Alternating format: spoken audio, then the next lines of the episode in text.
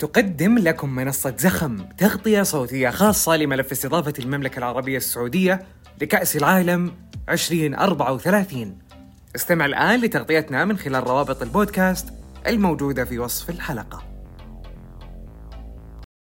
أعزائي المستمعين أسعد الله أوقاتكم بكل خير. أهلا ومرحبا بكم معي أنا أحمد وشريكي سلمان في هذا المساء حلقة جديدة من بودكاست إيرث.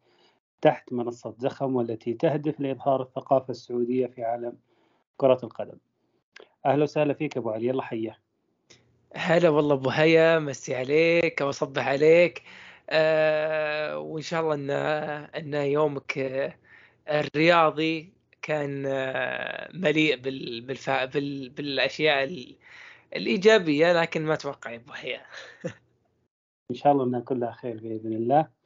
آه قبل البداية قبل البداية نحب ننوه إلى أن بودكاستر يأتي تحت منصة زخم وهي منصة آه، رياضية سعودية تهدف لإظهار الثقافة السعودية في عالم كرة القدم. ومن هذا المنطلق وقبل بداية الخوض في غمار هذه الحلقة دعونا نتطرق للحدث الأهم في هذا الأسبوع الرياضي وهو تقديم المملكة العربية السعودية ملف استضافة كأس العالم 2034 وهو الحدث الرياضي الأكبر على مستوى العالم.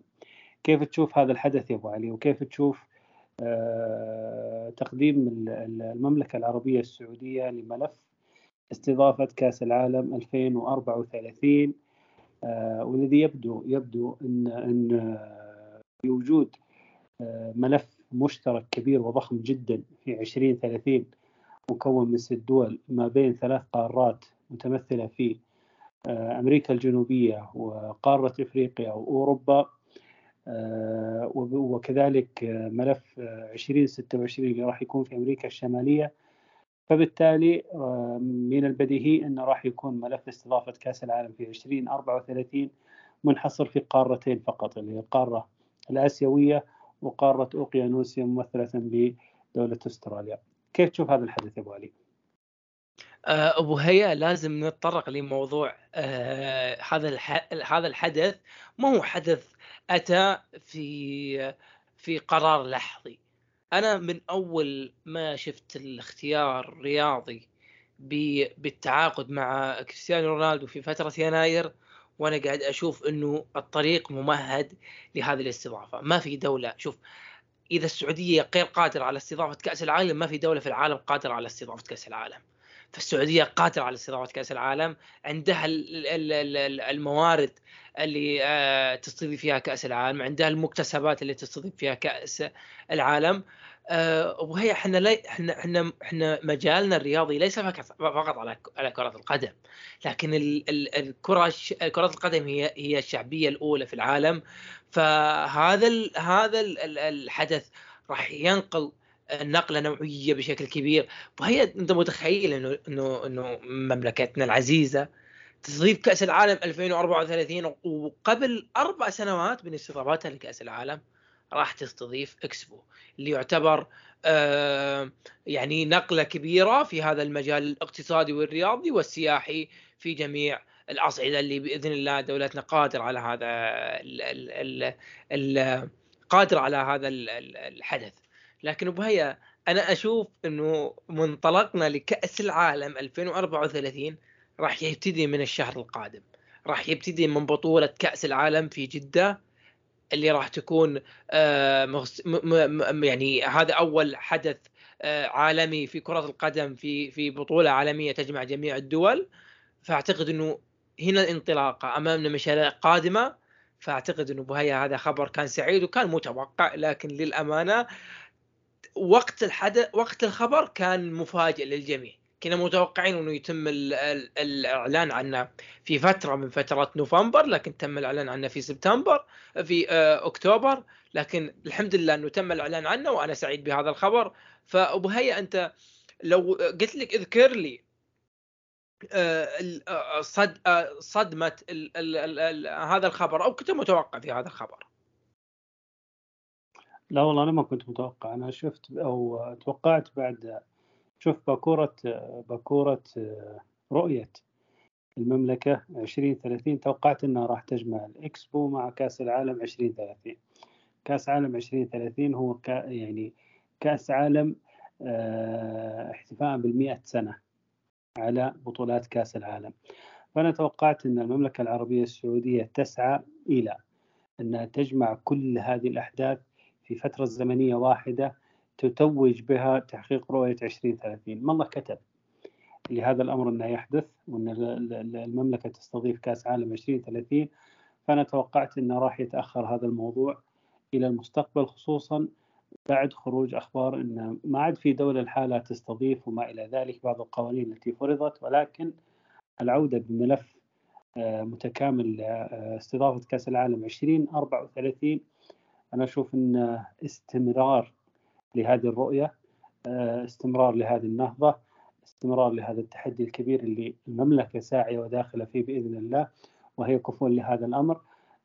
الحقيقة أبو علي إحنا جالسين نعيش أيام رياضية اقتصادية على مستوى عالي جدا. إن شاء الله أن هذا الأمر بالكامل يتحول ويتحقق من آه، تقديم ملف استضافة إلى استضافة فعلية حقيقية لكأس العالم آه، تتوج بها باكورة هذه الإنجازات.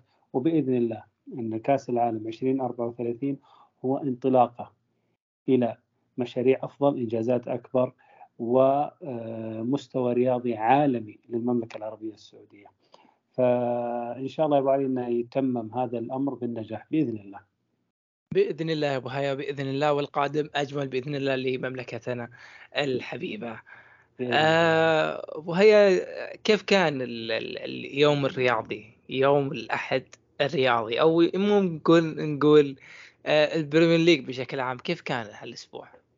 والله يا أخي شوف ال ال في مباريات أنت تتابعها بالورقة والقلم تبدأ تسجل فيها ملاحظات تبدأ تسجل فيها ملاحظات لأنك تعرف إن بعض أنواع المباريات إن حدثت فهي تحدث في موسم كامل مرة واحدة إن حدث فيها هبوط في المستوى إن حدث فيها آه، إبداع في المستوى.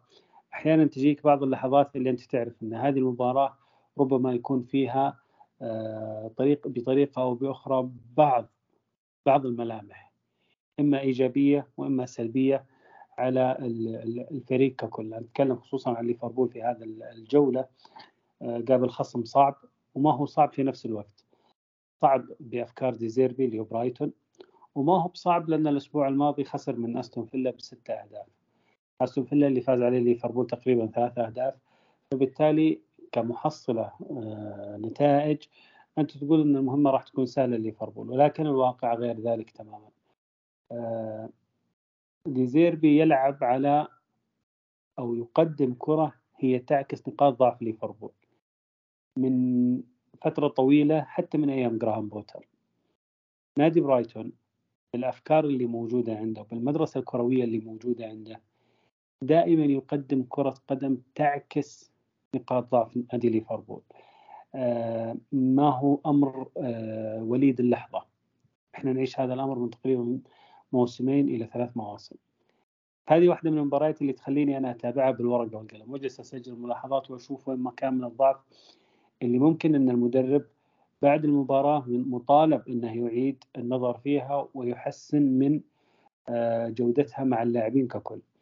آه، أنت عارف من بعد مباراة توتنهام والجدل الكبير اللي حصل في المباراة الأخطاء التحكيمية اللي حدثت تصعيد ليفربول الإداري لما آه، حدث في هذيك المباراة تقديم اعتذار من لجنة الحكام الدولي الإنجليزي إخلاء مسؤولية من قبل الشركة القائمة على تقنية الفار من أي خلل في أنظمتها التقنية المستخدمة في هذه المباراة.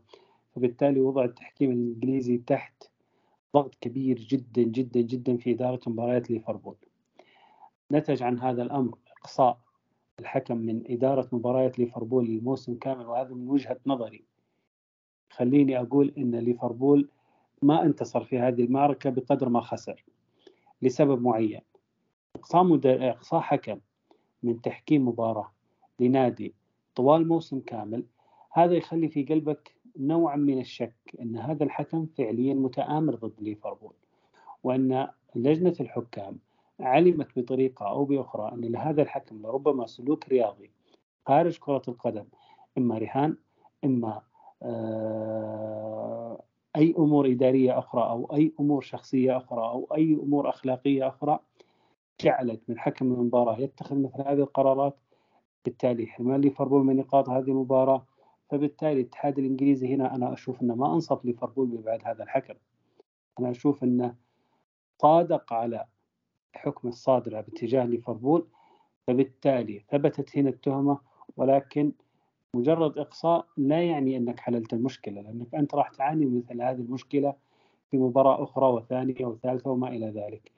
إحنا ممكن ليفربول بكرة ما راح يتضرر من هذا الحكم بس ممكن هذا الحكم في مباراة لمنافس مباشر مع ليفربول يرتكب بعض الأخطاء في صالح الفريق المباشر تؤدي إلى حسم نقاط المباراة بطريقة أو بأخرى، أنت هنا ما حللت المشكلة.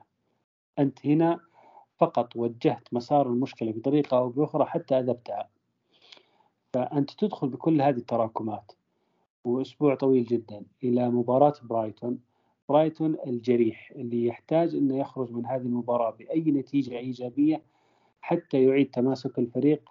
فعليا هذه المباريات اللي كانت تحتاج تركيز كبير جدا وتحتاج إنك تتابعها بالورقة والقلم عشان تعرف فعليا وش كانت عليه المباراة. آه، أبو هيا بس ممكن أقول لك أنا بشكل بنطق بمنطق عامي في هذه المباراة؟ تفضل. أنت قدرت تقول إنه ديزيربي يلعب على آه، يلعب الكوره أو براينتون يلعب الكوره اللي يكون في قوة في ضعف ليفربول صح ولا لا؟ صحيح أنا للأمانة اليوم أنا ما شفت أي جمل تكتيكية من ديزيربي لعب على أخطاء الفريق فيها في في هدفين واستغل هذه الأخطاء ولا قدم أي كرة تكتيكية ممكن ينافس فيها ليفربول ما تشوف هذا الشيء. أنا نظرتي لهذه المباراة كانت خاطئة أو مختلفة. لأني أنا ما شفت اي اي أي كرة قدمها من كرة ديزيربي أو كرة ديزيربي الموسم الماضي للأمانة. طيب. كم في غياب عند ديزيربي اليوم؟ صح. وكم فيه اليوم لاعب جاهز لهذه المباراة؟ إحنا لا ننسى حاجة مهمة إن برايتون اللي يخوضه هذا الموسم مختلف تماما عن اللي يخوضه في المواسم الماضية. أنا متأكد عند... تماما. عنده مشاركة أوروبية.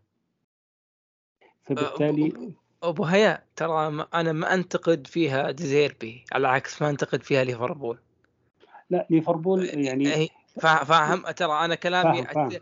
كلام يعني مو تقليل في ديزيربي ولا تقليل في برايتون. قاعد أنا أقول لك انه انه إنه يعني لا نطلع شكل يعني مثلا لا نطلع شكل والله إنه ديزيربي كان أفضل من ليفربول وليفربول هو اللي ظهر بهذا الشكل وكانوا كانوا يستحقون. أو أشوف النقطة عادلة. بعكس إنه ليفربول كان المفروض إنه يطلع بنتيجة آه، أفضل وهو اللي خلى آه، مجريات المباراة تمشي بهذه آه، النقطة وايجابيا من برايتون لاستغلال أخطاء ليفربول فالتعادل أنا اشوفه عادل لكن آه، إذا بنقعد نتكلم عن الأمور اللي يلام فيها ليفربول هو سلم المباراة لبرايتون. أنا بالنسبة لي أشوفها بهذه الطريقة أو تعامل كلوب من نواحي كثيرة ما أدري أبو هيا تتفق معي فيها وأنا أشوف مباراة غير عن المباراة اللي تشوفونها لا كلنا شفنا نفس المباراة. لكن خليني أنا أجيبها لك خلينا ندخل شوية في أجواء المباراة. يعني خلينا نقول أول 20 دقيقة تقريبا من المباراة المباراة كانت حذرة جدا حتى أن شابها يعني أو صار فيها شوية ملل. أن كل الفريقين يحاولون أنهم ما يقومون بأي خطأ أمام الفريق الآخر. قراءة الخصم بهيا مع أفضلية بسيطة لبرايتون في مسألة الضغط على مناطق ليفربول هنا أنا شفت آه يورجن كلوب وكأنه طالب من من أليسون إنه يكون ك ليبرو ثاني جنب فان دايك مع صعود ماتيب إلى طرف الملعب ودخول أرنولد آه، في وسط الميدان بشكل أكبر عشان يعني كان عمل switch بينه وبين ماتيب عشان يعمل التمريرات الطويلة. هذه النقطة تحديدا. وكأن يورجن كلوب يبحث منها إلى زيادة عددية عن طريق أليسون يكسب فيها لاعب إضافي داخل الملعب. بناء عليه صدر منها خطأ بناء على هذا الخطأ حدث هدف لكن أنا أتكلم عن الفكرة كفكرة أن اليوم يورجن كلوب ما دخل المباراة بهوية ليفربول اللي إحنا نعرفها. ما دخل المباراة نفس ما دخل مباراة أستون فيلا على سبيل المثال. ما دخل المباراة مثل ما دخل مباراة ويست هام على سبيل المثال. لا دخل المباراة بطريقة مختلفة لأنه يعلم أن برايتون ديزيربي ممتاز في عملية الاستحواذ ممتاز في عملية البناء من الخلف ممتاز في عملية الضغط. فبالتالي يورجن كلوب كان يحاول انه يصنع هذا الاستحواذ بزيادة لاعب إضافي في خط الخلف اللي هو كان أليسون أول ربع أول 20 دقيقة تقريبا كان في حذر كبير من الفريقين بس كان في ضغط عالي من برايتون أكثر. كان فيه مقدرة ممتازة جدا من مدافعي نادي برايتون في آه، الفوز بالكرات العالية. محمد صلاح اليوم تقريبا ممكن ولا كرة فاز فيها ولا كرة طويلة فاز فيها. حتى إنه صاب شك للمدافعين. هل يلعبون التمريرات الطويلة ولا يتوقفون عنها؟ اليوم ماتيب مع أرنولد مع فان دايك قاموا ب 16 تمريرة طويلة. نسبة نجاح هذه التمريرات 50% فقط. 50% الثانية خسرها الفريق. فأنت لما تعتمد على محمد صلاح كمحطه استلام في أعلى الملعب ومحمد صلاح ما يفوز بالكرات العالية أنت هنا فقدت واحد من أهم الأسلحة اللي موجودة عندك لمسألة اللعب المباشر. هذا اليوم ليفربول واحد من أساليب اللعب التي خسرها. البرايتون ما كان مستعجل ابدا على نتيجة المباراة ولا كان مستعجل ابدا على فرض أسلوبه وأفكاره كاملة في أول 20 دقيقة. كم أخذ المباراه خلينا نقول على الهادي. وجالس يصعد الرتم وينزله حسب حاجته هو ما هو حسب وضع ليفربول. آه، برايتون كان يسحب مهاجمين ليفربول. إلى مناطق عميقة جدا من ملعب برايتون. ويبدأ يصعد بالكرة بشكل صحيح يتجاوز هذا الضغط العالي ويبدأ يستحوذ على الكرة في وسط الملعب. ولو تلاحظ ما حصل في مباراة اليوم أن دائما كانت هجمات برايتون تأتي من عمق الملعب. كانوا يستغلون فيها دائما ماك أليستر ما هو سوءا لماك أليستر أكثر من أن مهام اللاعب رقم ستة كانت كبيرة اليوم جدا على ماك أليستر ماك أليستر إحنا قلنا في حلقات سابقة انه لاعب جيد جدا في أداء هذا الدور وفي عملية الاستخلاص في عملية الصعود بالكرة وما إلى ذلك.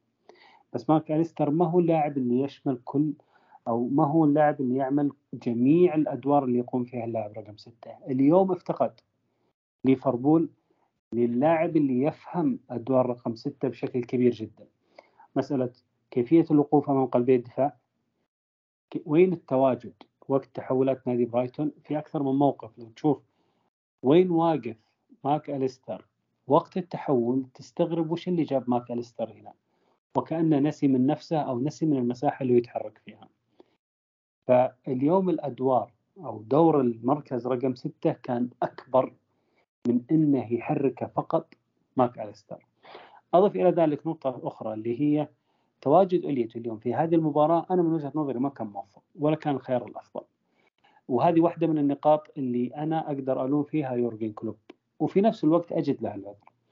يورجن كلوب معروف عنه إنه ما هو من المدربين اللي متسرعين في عملية إقحام اللاعبين الجدد في أجواء الفريق والمباريات رايان جرافنبرخ هو آخر لاعب انضم للفريق في نهاية السوق. فبالتالي هو ما حضر مع الفريق لا ال pre-season ولا حضر مع الفريق بداية الموسم. فبالتالي يورجن كلوب ماخذ اللاعب بهدوء ويشركه في المباراة أو في المباريات شوي شوي. أنا أشوف أن النضج اللي جالس يورينا إياه جرافنبرغ خلال الأيام الماضية وخلال المباريات الماضية يبين أن اللاعب ذهنيا جاهز بدنيا جاهز ما يحتاج أنك تأخذه في آه، فترات متقطعة عشان تدخله في أجواء الفريق. والدليل على ذلك أن دخوله في الشوط الثاني أثر كثير كثير كثير على رتم الفريق. حصل على فرصة كادت أن تكون هدف محقق آه، كانت حركته بالكرة جدا ممتازة آه، عملية الاستخلاص كانت عنده جيدة. كسب التحامات آه، أرضية كثير التحامات هوائية. اللاعب كان عنده القدرة على الانسجام مع الفريق. فأنا أشوف أن اليوم استخدام إيليوت ما كان جيد.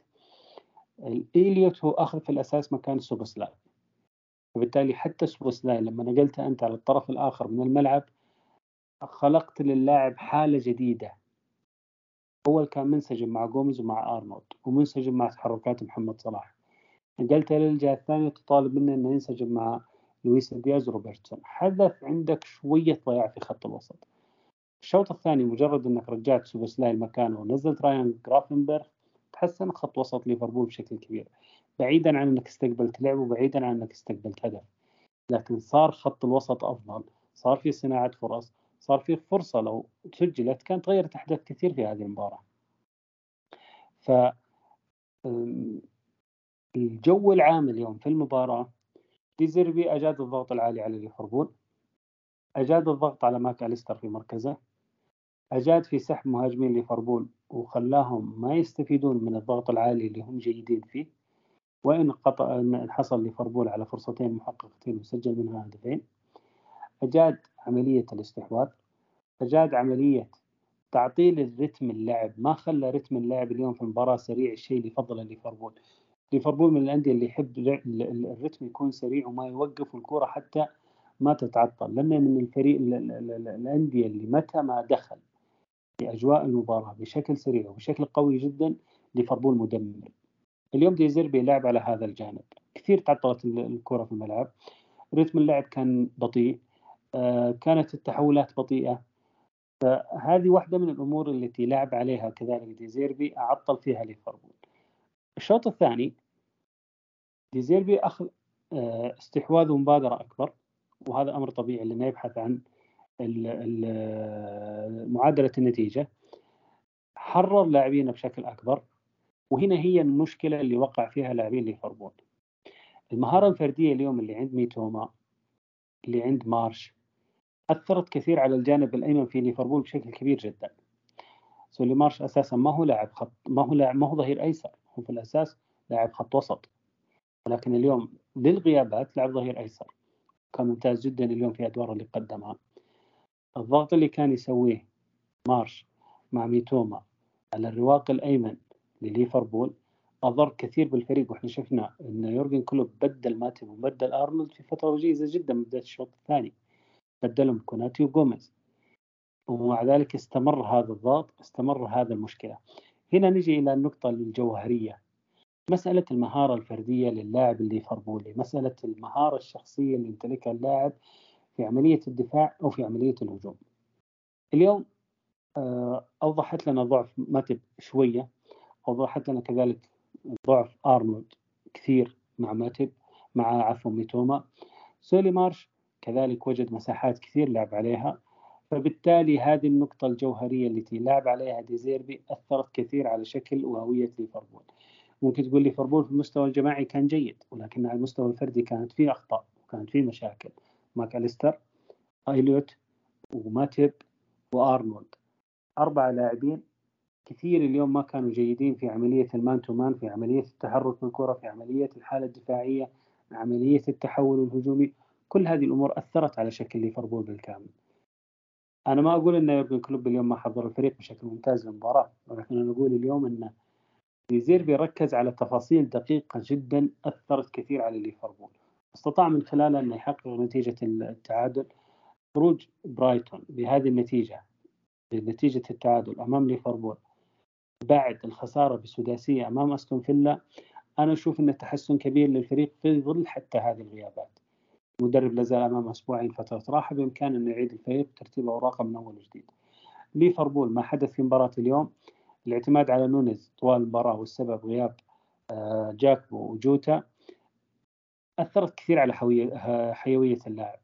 ممكن لو كان جوتا موجود وتم التبديل جوتا كلنا نعرف أنه ممتاز في استغلال أنصاف المساحات تحرك في ظهر المدافعين جيد جدا إلى ممتاز في عملية اللعب الكرات بالرأس.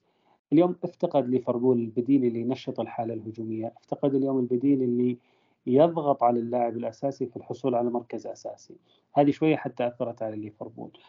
فما حدث في مباراة ليفربول اليوم فيه أخطاء حصلت فيه نواقص كانت موجودة في الفريق وكان فيه تحسن أكثر كان بالإمكان التحسن قدر الله ما شاء. فعل نتيجة التعادل قد تكون مرضية عطفا على الكلام اللي قلته أنا كله. لكن ممكن ما تكون مرضية لبعض الجماهير المحبة للنادي لأنهم كانوا ينظرون أنها مباراة في المتناول خصوصا بعد سداسية آه، برايتون ضد أو عفوا سداسية أستون فيلا ضد برايتون. فتعادل عادل في الأخير. استحق برايتون هذه النقطة عطفا على ما قدمه واستحق ليفربول النقطة كذلك عطفا على ما قدمه أعتذر على الاطاله أبو علي. كيف تشوف أنت المباراة؟ ابو ابو ابو, أبو هيا آه ما خليتني أفصل في أي كلمة ما شاء الله عليك. سردت الموضوع كامل يا أبو هيا. أنا عشان كذا اليوم ما طلعت أبو هيا ما غردت ما طلعت مساحات ما كل شيء قلت البودكاست. ابو أبو هيا في كلامك جميل وعلى أتمه لكن في ثلاث نقاط. ما أدري يمكن أنت قلتها ما بين السطور وأنا ما فهمتها. أبو هيا بالنسبة لليفربول في لاعب الجمهور ما انتقده ممكن لأنه لاعب حديث. أنا بالنسبة لي إذا بصنف أسوأ لاعب كان في مباراة ليفربول اليوم هو ماك إليستر. طيب بس ما أقدر ألوم ابو هيا تدري ليش؟ لأنه يلعب في مركز ممكن بنسبة أو أقل هو غير مركزه. لكن تعال لي إلى مباراة إلى إلى برايتون. بعيدا عن الأمور الفنية أنت لما تنهزم 6 1 وترجع في مباراة أمام فريق مثل مرسيليا بالتعادل الطبيعي والأكيد واللي متأكد 100 100% إن مباراتك أمام ليفربول راح تستعيد شخصيتك على العامل النفسي على أكثر من الجانب التكتيكي. آه لاعبين يشاركون بالتشكيلة الأساسية حافزهم عالي جدا بسبب آه ثباتهم في هذا في هذه التشكيلة. آه العودة من من من الهزيمة 6-1 في الدوري، التعادل أمام مرسيليا اللي يعتبر منافس في الدوري الاسباني الدوري الفرنسي. عامل الجمهور أيضا كان مساعد في هذا الجوانب.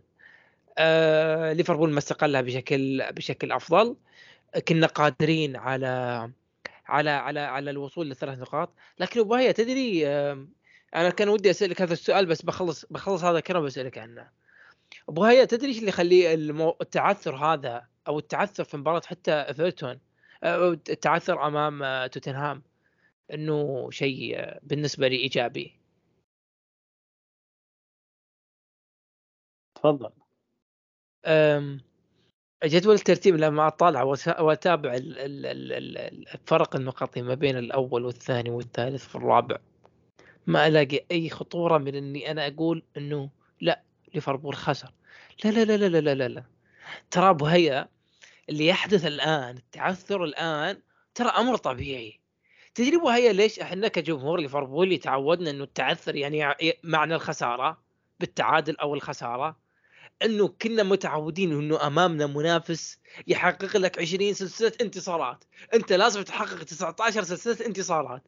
فهذا الشيء أصبح نفسي الجمهور الليفربولي أنه يعني تخيل أبو هيا اليوم أنا كتبت هارد لكم يا شباب يا ليفربولية القادم أجمل.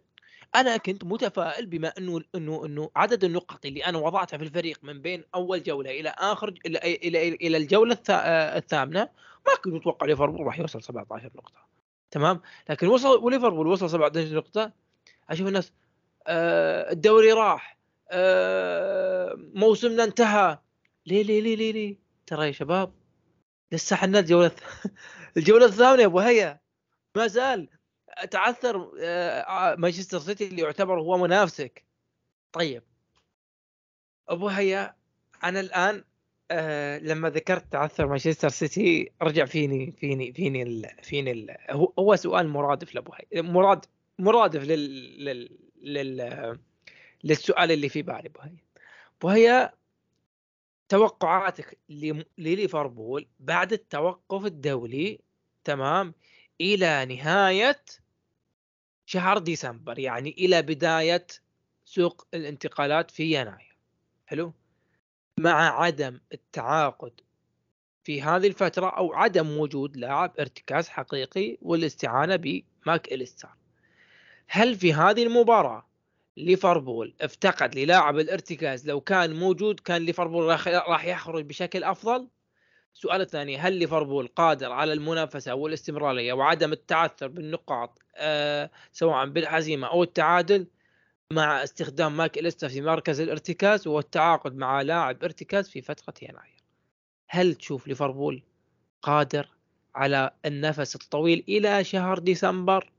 وتحقق النتائج الإيجابية والمواصلة أو تحس ليفربول خطوة بخطوة راح يفتقد النقاط النقاط النقاط. والله شوف يا أبو علي لما تشوف أنت اليوم لما تشوف أنت اليوم ليفربول وش هو الشيء اللي إجتازه خلال المرحلة الماضية؟ من مباريات ومن خصوم تجد أن ليفربول اجتاز نيوكاسل في ملعب نيوكاسل. آه، اجتاز يا طويل العمر والسلامة برايتون في ملعب برايتون. اجتاز يا طويل العمر والسلامة توتنهام في ملعب توتنهام. آه، تخلص من خصوم كذلك صعبين. أستون فيلا يوناي إيمري ويستهام آه، ديفيد مويس. ليفربول تجاوز المباريات حتى تشيلسي في ملعب تشيلسي. ليفربول تجاوز ست مباريات تقريبا صعبة مع خصوم صعبين جدا قبل فترة التوقف. في مقابل إن في أندية منافسة على اللقب يا دوب اجتازت نادي أو حتى ناديين. لما نشوف بعض الأندية بعد التوقف على سبيل المثال توتنهام كمية المباريات اللي راح يلعبها ونوعية المباريات اللي راح يلعبها فأنت تقول توتنهام ممكن ما يعطيك هذه الأفضلية بعد آه، التوقف الدولي إنه يعطيك سلسلة نتائج إيجابية عكس المرحلة اللي هو مر فيها. يعني راح يلعب مع تشيلسي راح يلعب مع أستون فيلا مع مانشستر سيتي مع وست هام مع نيوكاسل ورا بعض. كل أسبوع عنده مباراة فيها. لما أجي أشوف أنا وضع ليفربول اليوم وانك انت حققت هذه النقاط وتجاوزت هؤلاء الخصوم أنا أشوف إن وضع ليفربول أفضل. بعد التوقف راح يكون عنده من ثلاث إلى أربع مباريات آه، ورا بعض. الطبيعي إن ليفربول يحقق فيها العلامة الكاملة. تساعده إنه يستمر في ملاحقة المتصدر ايا يكن سواء توتنهام أو مانشستر سيتي أو أرسنال. ولربما الأيام تصادف إنهم يتعثرون إن ليفربول راح يأخذ الصدارة. هذه النقطة الأولى. النقطة الثانية ابو آه هي دقيقة دقيقة ابو هي نقطه نقطه نقطة تحت الصفر ابو فهي انت قلت كلمة سريعة وخليتني أمشي ولا تبيني أعلق عليها باي. وهي قلت قلت بهي أنت راح يتعثر أرسنال وتوتنهام وليفربول راح ياخذ الصدارة. يعني أنت أخرجت مانشستر سيتي من من سباق من سباق الدوري ابو هيا لا قلت لربما لربما. حلو. دقيقة إنه يصير في أي تعثر. دقيقة ابو هيا طيب ابو هيا أنت عندك أنت متأكد بنسبة لو أقول لك ابو هيا أعطني نسبة تتوقع عدم استمرار منافسة توتنهام لاربع المراكز الأولى. نسبة. يعني هل أنت متوقع تعثر توتنهام في المباراة القادمة؟ هل أنت متوقع إنه النشوة الآن اللي موجودة في هذا الفريق في لتغيير المدرب لاعبين شابين كلها عوامل نفسية نفس اللي يحدث مع أي مدرب جديد يحدث مع توتنهام؟ آه. بما إنهم منافسين لليفربول. يعني لا يحف يفكرون الشباب عطفا على, الجدول عطفا على الجدول اللي موجودة عندهم بعد التوقف الدولي. الطبيعي إنك راح تتوقع تعطل توتنهام. إنك تلعب مباريات تشيلسي نيوكاسل أستون فيلا وستهام ورا بعض أربع مباريات على مستوى عالي جدا ورا بعض. في عدم وجود تكاملية في الفريق. خط الهجوم مبني على ثلاثة لاعبين فقط. سون وماديسون وريتشارلسون ما في بديل رابع لهم. ما في بديل حرفيا مباراة ليفربول عشان ينشط خط الوسط أو يخط نشط خط الهجوم نزل هيوبرغ. حرفيا المدرب ما عنده مهاجم. طبيعي جدا إني راح أتوقع إن توتنهام راح يسقط. طبيعي جدا إني أشوف توتنهام راح يتعثر. أنا بالنسبة لي توتنهام ما هو الفريق الكامل اللي أنا أخشى منافسته لي على النفس الطويل في البريمير ليج. ابدا.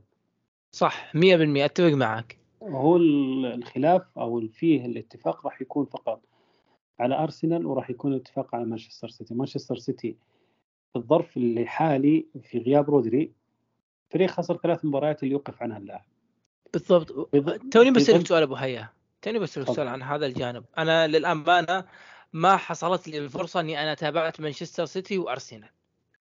لكن أنا دخلت قرأت بعض الجماهير وبالذات الليفربوليه يتحدثون بإن مركز الارتكاز هو أهم نقطة موجودة في الفريق وشاهدوا رودري بعد غيابه. تعثر الفريق ثلاث مباريات.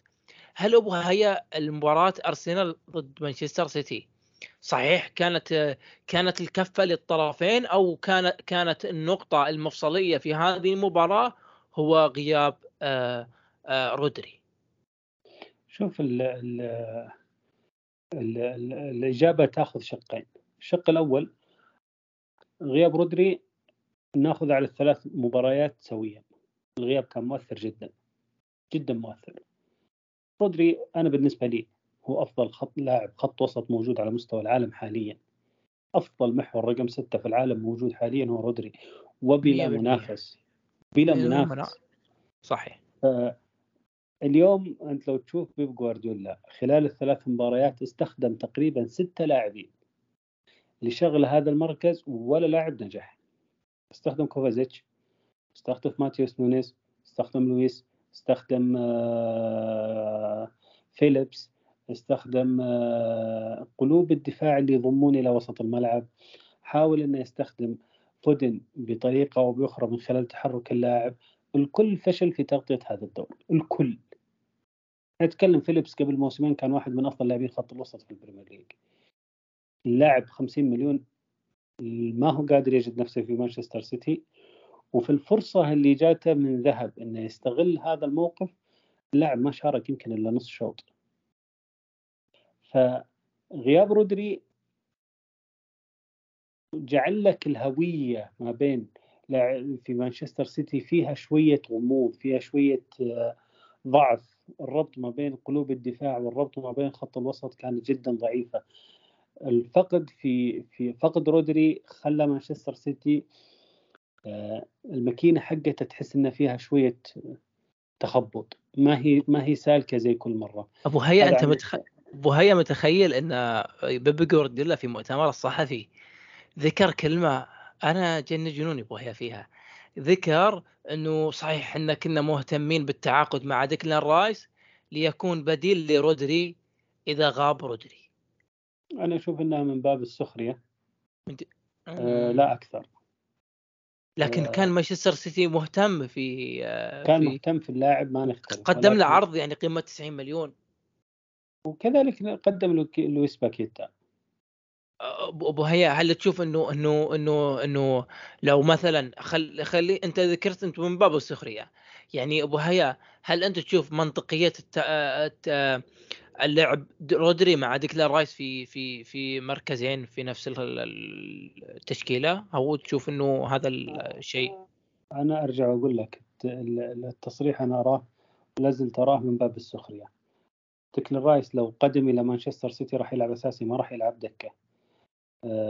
ممكن نشوف آه، جوارديولا حرفيا يلعب ثلاثة قلوب دفاع ما راح يلعب بأربعة نظام اللعب يتغير بالكامل.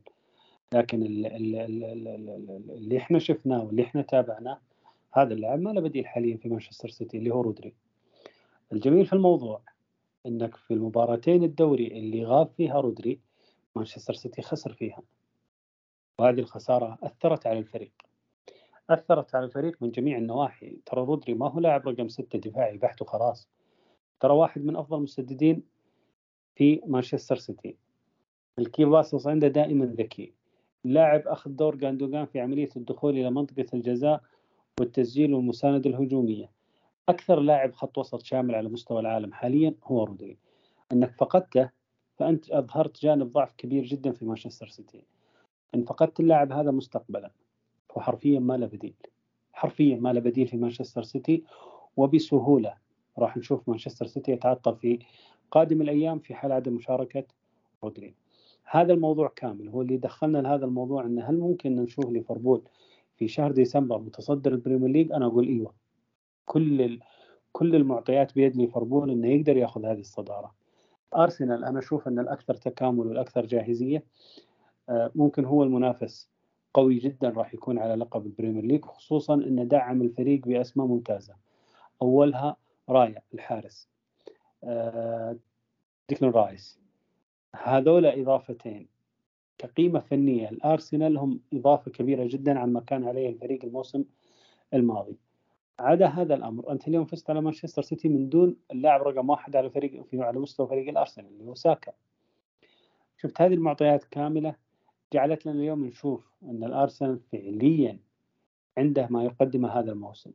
إذا وصلنا شهر ديسمبر بالوضع المنطقي فأنا أتوقع أن مانشستر سيتي مع أرسنال مع ليفربول هم الثلاثة اللي عندهم المقدرة أنهم يستمرون للمنافسة إلى ما بعد شهر فبراير. ما بعد شهر فبراير راح يفرق معك آه، أوضاع دوري أبطال أوروبا المسابقات المحلية.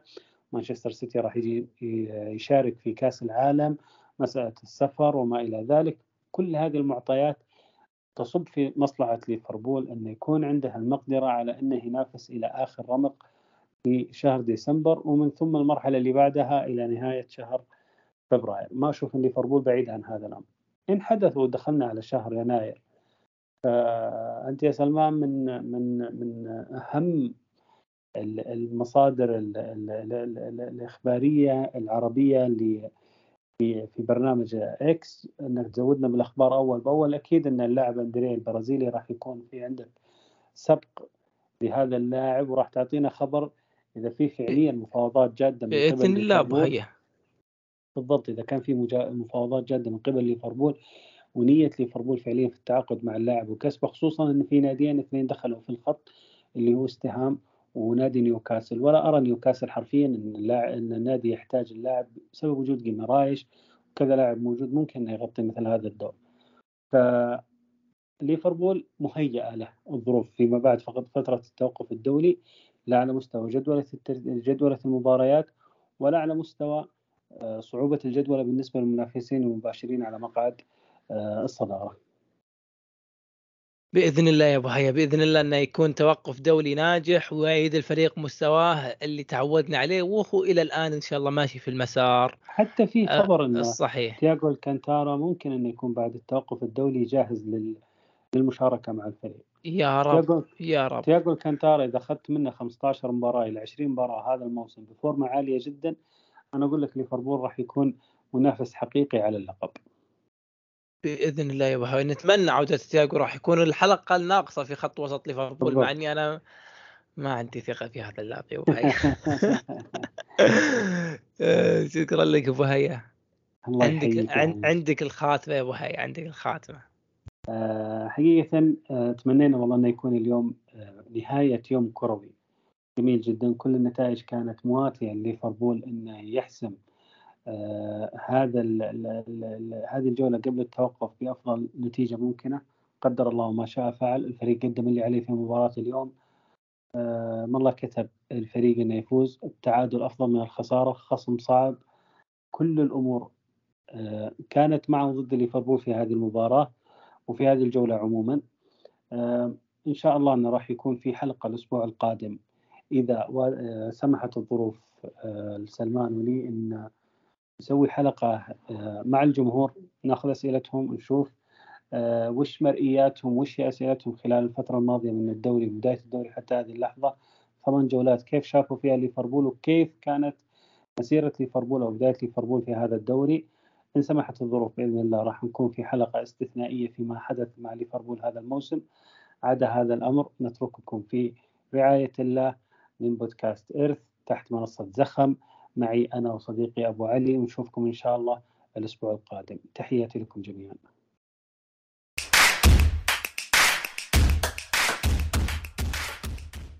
تقدم لكم منصة زخم تغطية صوتية خاصة لملف استضافة المملكة العربية السعودية لكأس العالم 2034 استمع الآن لتغطيتنا من خلال روابط البودكاست الموجودة في وصف الحلقة.